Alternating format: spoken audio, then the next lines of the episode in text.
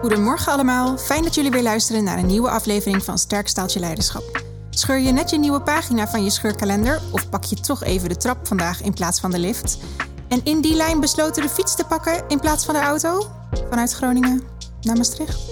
Het maakt niet uit, want dit is een goed moment om je leiderschap onder de loep te nemen. Yes, goed dat jullie weer luisteren. Jij zit hier zo uitgerust. Ik ben heel relaxed. Ik ja. zie het. Kun je even uitleggen hoe dit komt? Ik ben op vakantie geweest. Oké. Ik ben ook in tijden niet zo bruin geweest. Is dat zo? In maart. Dat zou ook nog kunnen van wintersport. Daar zie ik ook mensen heel erg gekleurd van terugkomen. Dat is waar, dat is waar. Maar je was niet op wintersport? Nee, ik ben naar de zon geweest. Dus dat was heerlijk. Oké, nou dan moeten we het vandaag van jouw rust, kalmte en energie hebben. Is dat goed? Ja hoor. Hey, we blikken even terug naar vorige week, eh, waar we spraken met Hidde de Vries, eigenaar van de Recharge Company en schrijver van het boekje Work Smart, Play Smart. Eh, en het ging over focus en opladen, over eh, hoe focus nodig is om je doelen te bereiken en in flow te komen. En eh, dat als je in flow bent, het lijkt alsof je de tijd vergeet. En dat het ook weer belangrijk is om daaruit te komen, omdat beide energie van je vragen. En dat je je dus ook weer op moet laden in dat energiebarretje door 15 minuutjes te wandelen op een dag of buiten de deur te gaan lunchen of lekker op vakantie te gaan, zoals Michiel dat gedaan heeft. Dus we need it. We need to recharge. Ja, dat is wel echt heel belangrijk. Ik vond het een hele leuke aflevering met Hidde. En ik merk ook, ik ben net tien dagen echt offline geweest. Ik heb echt niks gedaan voor werk. En ik merk wel gelijk dat, eh, dat als je dan terugkomt, dat je wel echt een ander perspectief hebt weer. Dus dat je, dat je blik, maar ook rust in je hoofd, dat dat echt weer verandert hoe je naar je werk kijkt. En ook weer de kwaliteit die je daarmee kan leveren. Ja. Is het dan ook veranderd hoe je naar Work Smart, Play Smart kijkt? Of is dat wel nog steeds de Bijbel voor je werk? Dat is nog steeds de Bijbel, nu nog meer. Ja, Oké, ja. oké, oké. Dan eh, raden we dat nog steeds aan. hey, vandaag gaan we het hebben over groei. Eh, want Vikram heeft in aflevering 3 natuurlijk benoemd... goede leiders faciliteren groei. Dat is iets wat bij ons is blijven hangen. Eh, en dat is ook de basis voor het model van intentioneel leiderschap... wat we met je hebben gedeeld in aflevering 10. Het is jouw persoonlijke groei.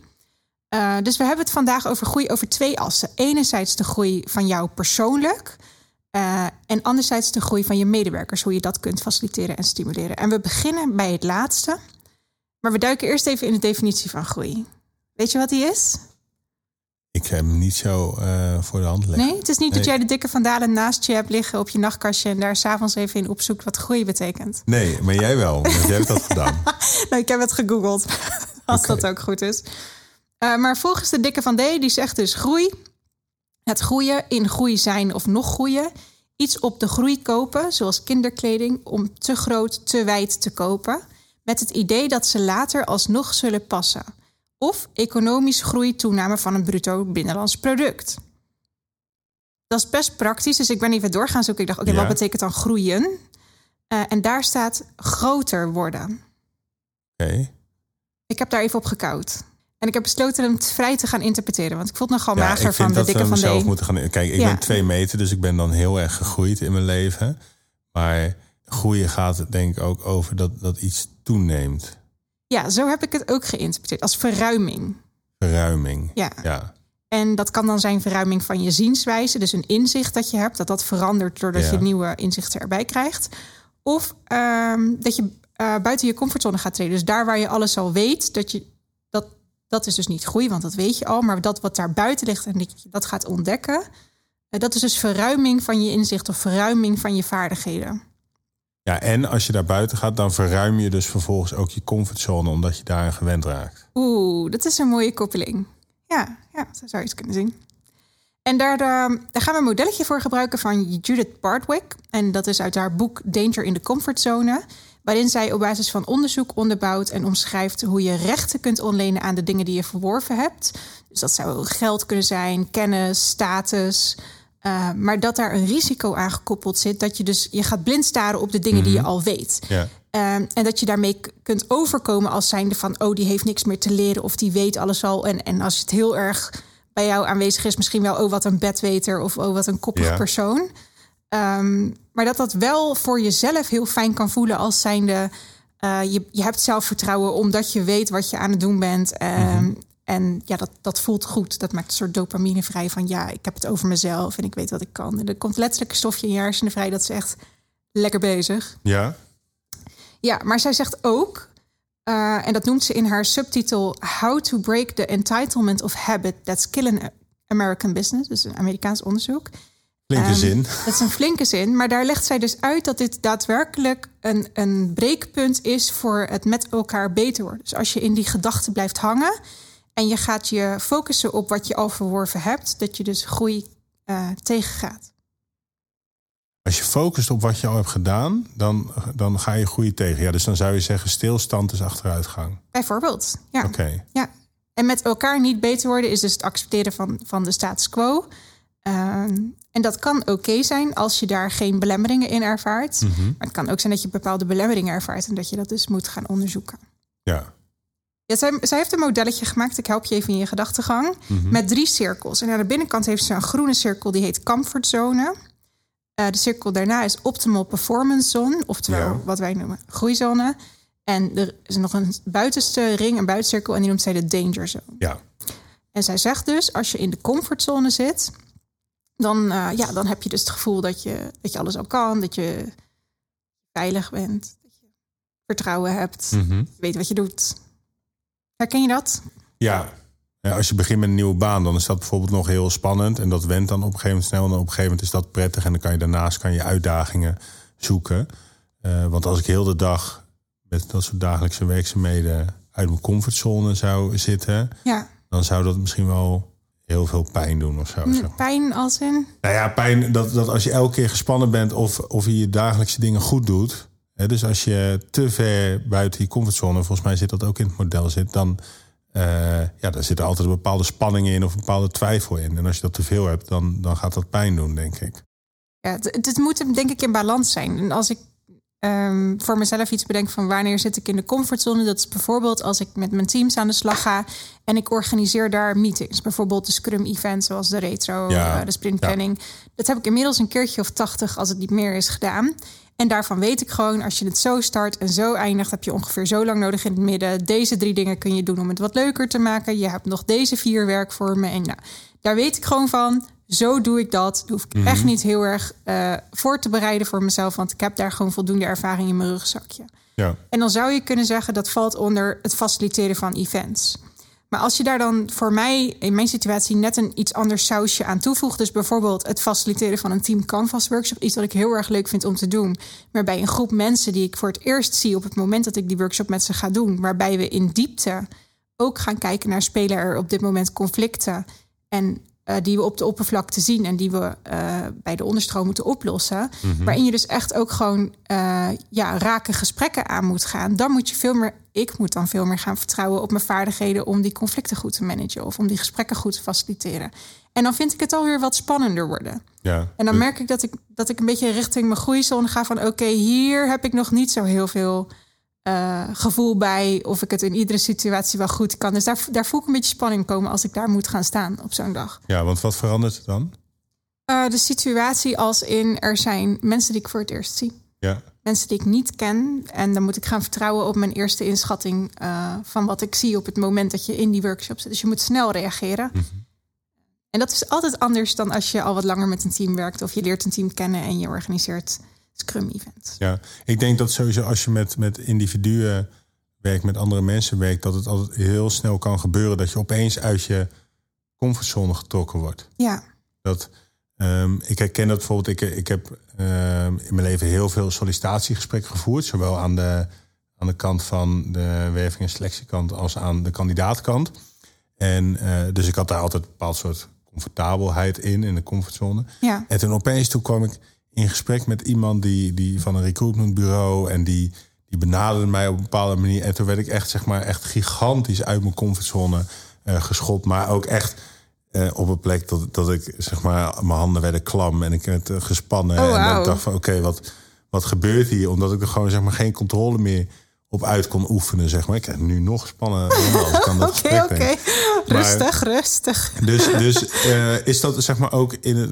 Kijk, je kan het dus plaatsen op zeg maar wat je, wat je doet. Maar ik denk als je met mensen werkt, kan het sowieso best wel snel gebeuren, toch? Dat je uit je comfortzone komt. Of in een andere plek van het model terechtkomt. Eh, ja, waarschijnlijk omdat je je dan wat onzekerder voelt in hoe je het aan moet pakken. En dat is wel herkenbaar voor de, ehm, voor de groeizone. Hè? Dus je, je bent in een vrij onzekere situatie. Maar wel nog binnen de grenzen van daar waar je je echt onveilig voelt. Dus het is niet zo dat je. Uh, ik weet niet of dat bij jou zo was, maar ik hoorde zweethanden en, en noem het maar op. Het is, zij, dan ben je niet in paniek. Dan ben je echt nog wel in de groeizone. Ja, precies. En paniek is meer echt van uh, blackout. Ik weet niet wat ik moet zeggen. Ik kan het niet aan. Je zet me onder druk. Bedankt voor de sollicitatie. Maar ik blijf toch bij mijn huidige baan. Zeg maar. Oh, nee, Dan sla je helemaal dicht. Ja. En daar zit ook dus veel meer. Um, ja, daar zit meer angst. Dus niet alleen maar oncomfortabel zijn, maar echt gewoon onveilig voelen en, en angstig zijn. En want als je dat naar dat model zou trekken van hoe zou je dat dan optimaal kunnen gebruiken? Waar wil, want ik kan me voorstellen dat je nou, wat ik zeg, hè, dat je bijvoorbeeld in je dagelijkse dingen wil je gewoon in je comfortzone zitten, wil je gewoon lekker in het groen. Ja. Het is een beetje als, als Max Verstappen, hè, die, die uh, af en toe dan gaat hij wel flink het rood in. Uh, maar hij moet dat niet heel de tijd doen, want anders dan raak of je je banden aanflarden of je, of je motor overhit. Dus je moet een soort van balans erin vinden. Ja, zeker. Zeker. Er is altijd een basis van dingen die je fijn vindt om te doen. En eerder hebben we al gewoon gezegd: ga op zoek naar je kernkwaliteiten. Ga bij jezelf graven wat je leuk vindt om te doen. En dat is denk ik de basis. En je kunt het ook herkennen aan routine, routinematig handelen. Daar hebben we het ook in het model voor intentioneel leiderschap over gehad. Als je, als je weet dat je dingen op routine doet, je hoeft er weinig over na te denken. Mhm. Ehm, ja, dan zit je echt wel in je comfortzone. Uh, groeizone daarentegen, daar wordt het al wat spannender. En dat kan zijn van, van lichte spanning. Van oké, ik moet nu een teamcanvas gaan doen. En het zijn mensen die ik niet ken. Dus dus even zoeken hoe ik hiermee omga. En dat kan zijn van oké, dit is mijn derde wedstrijd. Het zou zomaar kunnen dat ik knock-out ga. Maar het zou ook kunnen dat ik win. En dat vind ik heel erg spannend. Maar ik heb me goed voorbereid. En dat je daar dus stappen voor neemt om die spanning te managen. Ja. Uh, ja. Wat denk ik meer goed is om bij jezelf te onderzoeken, is vaak uh, is er een vorm van angst. Bijvoorbeeld de angst bij mij met de kickboxwedstrijd was: ik zou uh, heel heftig uh, geblesseerd kunnen raken. Of ik zou er lichamelijke klachten aan over kunnen houden. Mm -hmm. of ik zou er mentale klachten aan over kunnen houden. En dat dat was voor mij een angst. Uh, en in deze situatie was het ook een vrij reële angst. Maar er zijn ook situaties waarin mensen een bepaalde angst hebben om iets te doen. Waardoor het kan voelen alsof je in de dangerzone zit. Ja. En dan is het heel goed om bij jezelf te vragen: is dit echt? Is dit echt zo? -hmm. uh, en dat gewoon te onderbouwen. En ja. soms is het, voelt het zo omdat je het spannend vindt en maak je het groter. Maar als je het gaat toetsen, is het echt zo? Dan valt het eigenlijk wel mee. Mijn vader vroeg altijd, als ik iets spannends ging doen, vroeg hij altijd: wat is het ergste dat er kan gebeuren? En wat zei je dan? Ja, dan konden er heel veel enge dingen gebeuren. Maar hè, op, op die situatie afhankelijk van hè, een eerste dag naar een nieuwe school. Of ja. uh, weet je, uh, een, een, training gaan geven voor het eerst. Of uh, een finale spelen met de voetbal of zo. Wat is het ergste dat er kan gebeuren? Nou, als je dat in je hoofd hebt, dan is dat alweer een beetje weer wat minder als je dat geformuleerd hebt. Ja. En hoe eng is dat dan echt? Stel je speelt die finale en je verliest. Ja, wat, wat gebeurt er dan? Ja. Ik zit dan te denken met, met het model van. Dus dan zeg je één is eigenlijk wat ik je hoor zeggen, is, is voorbereiding. Uh, dat dat belangrijk is als je, als je richting je groeizone gaat. Maar twee is ook dat je, dat je iets doet waar je kwaliteiten liggen. Of waar, waar, je, uh, waar je wel op iets terug kan vallen. Dus één voorbereiding, twee uh, kwaliteiten. Ik heb bijvoorbeeld een een, een goede vriend van mij, die, die had op een gegeven moment een functie die uh, best wel ambitieuze functie. Mhm. Alleen het paste wat minder goed bij hem qua zijn uh, persoonlijkheid. Mhm. En daardoor zat hij dus heel veel, zeg maar, of in die, in die optimal performance zone, zoals die in mijn model staat, of in die danger zone, maar niet zozeer omdat hij het niet. Um, hij, hij, deed het wel regelmatig, maar het sloot gewoon niet echt aan op hem, waardoor hij constant soort van zichzelf moest uh, overtreffen of constant boven zichzelf moet uitstijgen. Maar dat kan je natuurlijk niet altijd doen. Nee, als je daar te lang. Hetzelfde als waar we het vorige aflevering met focus en recharge op uh, over gehad hebben. Als je die spier in de sportschool te lang onder uh, op focus zet, op stretch, ja. dan knapt hij. En dat is met dit ook. Ja. Maar aan de andere kant, om alleen maar in je comfortzone te zitten, dan knap je ook. Want dat is hoe bore-outs ontstaan. Dan heb je een bore-out, ja. En wat, wat ik wel interessant vond, want ik, ik heb dat van jou geleerd... dat je dus ook groeipijn kan hebben. En ik, ik vind het nog steeds lastig om dat te vertellen... maar misschien kun jij vertellen hoe, hoe dat werkt, groeipijn. Nou, hoe ik het toen aan jou uitlegde, jij, jij gaf een situatie aan hè, van joh, uh, ik merk dat, dat, dat ik nieuwe inzichten krijg en dat er zoveel op me afkomt dat ik gewoon niet weet of dit bij me past. En ik ben heel erg aan het zoeken in hoe moet ik met deze dingen omgaan. Als ik het goed vertaal van hoe jij de situatie uitlegde. Nou ja, ik, ik werd ook soort van uh, onzeker over mijn inbreng, omdat ik uh, gewoon steeds dacht van dit is echt totaal niet interessant wat ik zeg. Of dit is dit heeft helemaal geen toegevoegde waarde. Weet je wel, van dat, dat je constant het gevoel hebt van oké, eh, ik presteer onder mijn kunnen of zo, zeg maar. En dat is dus wel een beetje inherent aan in de groeizone stappen. En voor een tijdelijke periode van tijd is dat oké. Want wat er gebeurt als je in de groeizone stapt, is je gaat jezelf uh, toestaan om nieuwe inzichten te krijgen. Dus in jouw situatie, je bent bij ProAwareness komen werken, dus die er een bak aan ervaring om je heen. En die mensen die gaan niet een stapje terug omdat jij er nieuw bij bent. Die gaan gewoon. Ja. En als jij naar hen kijkt of je pakt daar iets van op, denk je: oh jeetje, dat is goed en dat is goed. En je, je bent je, je inzichten, je beeld aan het verruimen van hoe jij je werk in zou kunnen richten. En indirect vergelijk je dat met hoe je het doet op dit moment. En al die beelden die zijn nieuw, die had je eerder nog niet. Dus eerder was je in de impressie van: oké, ik ben best lekker bezig. Ik ga de volgende stap voor mezelf maken. Die mhm. komt vanuit vertrouwen. Uh, en al die nieuwe inzichten, die, zijn, die, die leveren verwarring op. En dat is wat ik noem groeipijn. Jij bent dezelfde persoon, je zit in een nieuwe omgeving en je moet wennen aan die concepten die er zijn. En dat, dat moet nog even van jou worden. Dus hoe wil je daarmee omgaan? Die keuzes maken. Soms zie je iets uh, en dan is het vooral niet verstandig om dat gelijk te gaan doen, omdat die persoon iemand is naar wie jij opkijkt. Check mhm. eerst even bij jezelf van is dit iets wat ook bij mij past en hoe ik het zou willen doen. Anders zou je in die situatie van die vriend van jou kunnen belanden dat je dus dingen aan doen bent die helemaal niet bij je passen. Ja. En dat, dat is wat ik noem groeipijn. En als dat een tijdelijke periode aanwezig is, dan is dat goed. Want dat betekent dat je die groei aan het maken bent. Ja. Maar als dat heel lang blijft, en dat, dat moet je voor jezelf afwegen wat dan kort of lang is, of wat jij acceptabel vindt, mhm. ja, dan zit je misschien dus iets te ver in je stretch. Ja, ja en het, het, het heeft er mooi ook, ook mee te maken, volgens mij toch, dat je jezelf aan een nieuwe standaard ja. Uh, meet. Dus je meet jezelf, je komt in een nieuwe omgeving, daarin uh, kom je, je, je, krijgt bepaalde adrenaline, je presteert. Um, maar vervolgens meet je jezelf. Uh, dus je hebt een hele goede wedstrijd gespeeld. En vervolgens wil je de wedstrijd die je naspeelt precies op dat niveau spelen. Alleen dat, dat kan niet, want je bent aan, je aan het ontwikkelen tot.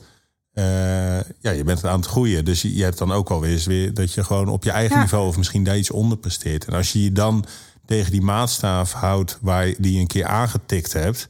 Uh, ja, dan, dan, dan, dan verlies je bepaald vertrouwen. Omdat je denkt van hé, hey, ik zit, ik, uh, hè, wat is er met mij aan de hand? Ik, uh, ik doe niet wat ik zou moeten doen of willen doen. Je hebt die tijd nodig om aan het niveau te uh, wennen. Kijk maar naar een club die vanuit keukenkampioen divisie naar de eredivisie stapt.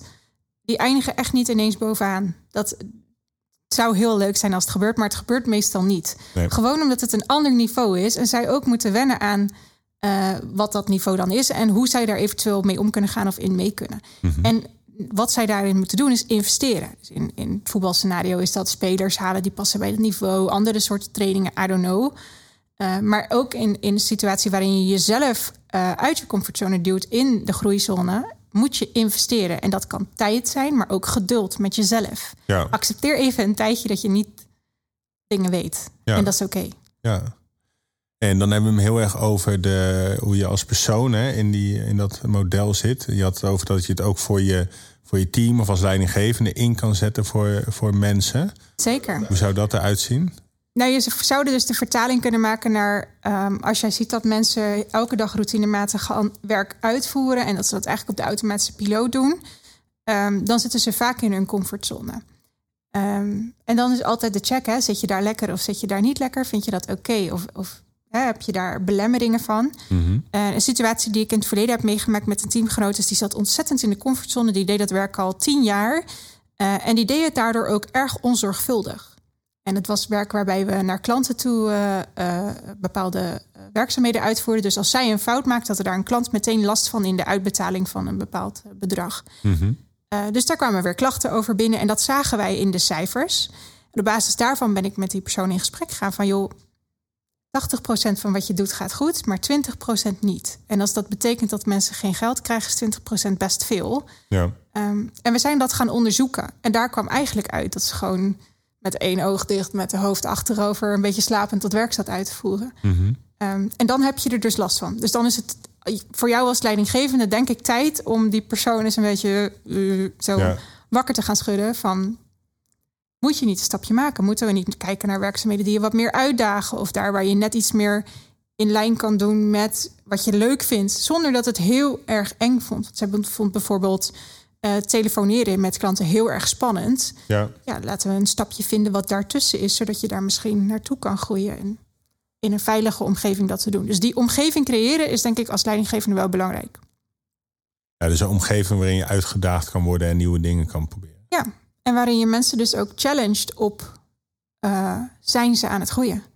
En als ze daarin, hè, als je uit gesprek blijkt, tenminste zo sta ik erin, als uit gesprek blijkt dat iemand daar helemaal oké okay mee is, moet je diegene ook niet pushen. Je moet, je moet echt groeien, dat moet. Ja. Nee, Vikram zei, goede leiders stimuleren groei, niet forceren groei. En, en als je dan, net ben ik even advocaat van de duivel. Je, je hoort het wel eens van dat. Um, zit nu leidinggevend te luisteren en die denkt van ja, dat, dat zeg je nou wel, Gabrielle. Alleen ik heb een team van, van acht mensen en die doen best wel veel uh, taken uitvoeren of routinematig werken. Uh, als die zich allemaal willen groeien of ontwikkelen, dan, dan heb ik daar gewoon geen plek voor. Of daar, daar, daar is helemaal geen ruimte voor dat iedereen super ambitieus is. Ik heb ook gewoon mensen nodig die dat werk gewoon maar uitvoeren, om het even zo te zeggen. Ja, waarbij je hem dan vooral organiseert of benadert vanuit de als taakinhoudelijke groei. Mm -hmm. Maar er kan ook gewoon groei in competenties in zitten. Wil iemand misschien zijn feedbackvaardigheden verbeteren, zodat je elkaar beter kan aanspreken? Of wil iemand misschien uh, beter leren met Excel om te gaan, zodat hij dit werk net iets makkelijker kan doen? Of de, de, de mate van groei of het, het aspect waarin iemand kan groeien of wil groeien, kan heel erg verschillen. En ik denk dat, dat een goede leidinggever of een inspirerende leider, die onderzoekt dat met die mensen. Ja, en denk me dan nu, en dat is een bruggetje naar de aflevering met uh, Iris, aflevering 5 volgens mij. En dus dan gaat het over intrinsieke motivatie. Wat willen mensen? Uh, ga daarnaar op zoek en weet dat te triggeren. Uh, want dat stimuleert ook weer groei. Ja, ja inderdaad. Misschien wees oprecht nieuwsgierig naar waar iemand uh, in zou willen verbeteren.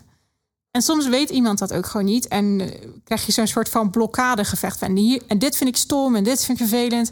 En als je dat allemaal clustert en goed luistert naar wat daarachter zit... en een beetje uitvraagt, kom je vaak ook al wel op dingen. Dus niet, niet de easy way out nemen. Dus zeggen, ja, ik heb echt niks te leren. Dat je dan zegt, oké. Okay, ja. Het is wel goed om daar even een klein beetje op in te prikken.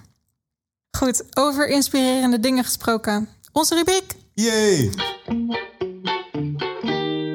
Lekker catchy. Michiel, neem ons eens even mee. Wat zie je vandaag? Wat zie je vandaag? Wat ik zie is een uh, beetje een lichtblauw uh, tegeltje. Uh, rechthoekig. En, en daar staat in donkerblauwe, maar ook in witte letters staat daarin... The greatest leader is not necessarily the one who does the greatest things. He is the one that gets the people to do the greatest things. Zo jij, zit, jij zit mij aan te kijken met een blink alsof je broccoli ziet. Ik vond het opnieuw best een lange zin, dus ik moest even over nadenken. The greatest leader is not necessarily the one who does the greatest things. He is the one that gets the people to do the greatest things. Ik denk dat het allebei is. Want ook door zelf aan de slag te gaan met jouw groei en Mhm. uh, daar een stapje in te nemen, dat, dat zou ik omschrijven als the greatest things. Dus jezelf uitdagen om een betere versie van jezelf te worden. Daarmee kun je anderen inspireren en triggeren om dat ook te gaan doen. Maar alleen maar dat doen, dus alleen maar op jezelf gefocust zijn, dat, dat lijkt mij niet genoeg. Dus dan het tweede stukje, he is the one that gets the people to do the greatest things. Ja, vind ik ook belangrijk. Ik vind het ook belangrijk dat je uh, dat in je mensen losmaakt en hen de ruimte geeft en stimuleert om ook een betere versie van zichzelf te worden. Dus volgens mij, voor mij is het meer een balans tussen de beide. Ja, ik, denk, ik denk dat het heel erg gaat over uh, autonomie, autonomie neerleggen bij de mensen die voor je werken en uh, ze in beweging zetten. Ja. Uh, nou, en hoe je mensen in beweging zet en met wat voor visie, daar hebben we het natuurlijk al een paar keer over gehad in de podcast. Ehm, dus ik, hij triggert mij niet heel erg. Eigenlijk helemaal niet. Uh, komt misschien Dat ook is een niet beetje. een poes, ja. Komt ook een beetje door het lichtblauw. Dat is zo'n beetje zo'n gezapig eh, tegeltje. Oké, ja. Ehm, Er wordt van alles bijgehaald om deze tegel omlaag te halen. ja, nee, ja, het is niet mijn favoriete tegel. Wat zou je hem geven? ja, een vier voor de moeite. is dat heel cynisch? Nee, ik doe met je mee. Twee Ja. vieren. Is Twee samen een acht op een schaal van 20. Precies. Hey, we hebben het natuurlijk over gehad. Hoe neem je je mensen mee eh, en hoe daag je hen uit? Wat daarin absoluut kan helpen, is de juiste vragen stellen. Hè? En jezelf uitdagen en met jezelf aan de slag gaan, betekent ook dat je jezelf goed moet leren kennen. Dus wij hebben hier een aantal knappe koppen binnen ProAwareness gevraagd. Hebben jullie nog een paar goede coachopleidingen in de aanbieding die onze luisteraar hierbij zou kunnen helpen? Daar zijn er vijf uitgekomen. Eh, de allereerste is Leergang Coach Verdiepingstraject van sn.nl. Die hebben opleidingen. De opleiding heet Leergang Coach Verdiepingstraject. De tweede is van Coach Boulevard en dan gewoon de coachopleiding. Eh, de derde is oplossingsgericht coachen, doen wat werkt. Die wordt door meerdere partijen aangeboden. De vierde is coaching van hu.nl. H-U, Hendrik Utrecht. En de laatste is meesterschap in leiderschap van Harten en Linksma. Eh, dus mocht je hier interesse in hebben, dan eh, kun je hier eens een kijkje naar nemen. En het kan je absoluut helpen in het stimuleren van je eigen groei, maar ook het groei van de mensen om je heen. Gebruik kortingscode Gabrielle en Michiel 20 voor 20% korting op deze trainingen. Je kunt het proberen, ik denk niet dat het werkt. Nee, dat is niet waar. Nee. Na het luisteren van deze aflevering heb je hopelijk weer wat nieuwe inzichten om met je eigen groei en de groei van je medewerkers aan de slag te gaan. En daarmee zit aflevering 12 erop.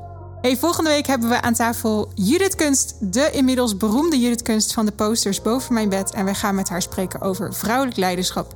Het wordt tijd dat we een quote in de podcast krijgen waar she staat in plaats van he. Ik weet niet of je dat opgevallen is. Ja, en dan kan ik alles vertellen wat ik weet over vrouwelijk leiderschap. Jij mag, jij mag heel veel vragen stellen, maar je mag ook je ervaringen delen. ik ga dat heel waardeer ik. nieuwsgierig zijn volgende week. Ik ben heel benieuwd. Ik ben ook benieuwd. Voor nu onwijs bedankt voor het luisteren en tot de volgende keer. Tot de volgende keer.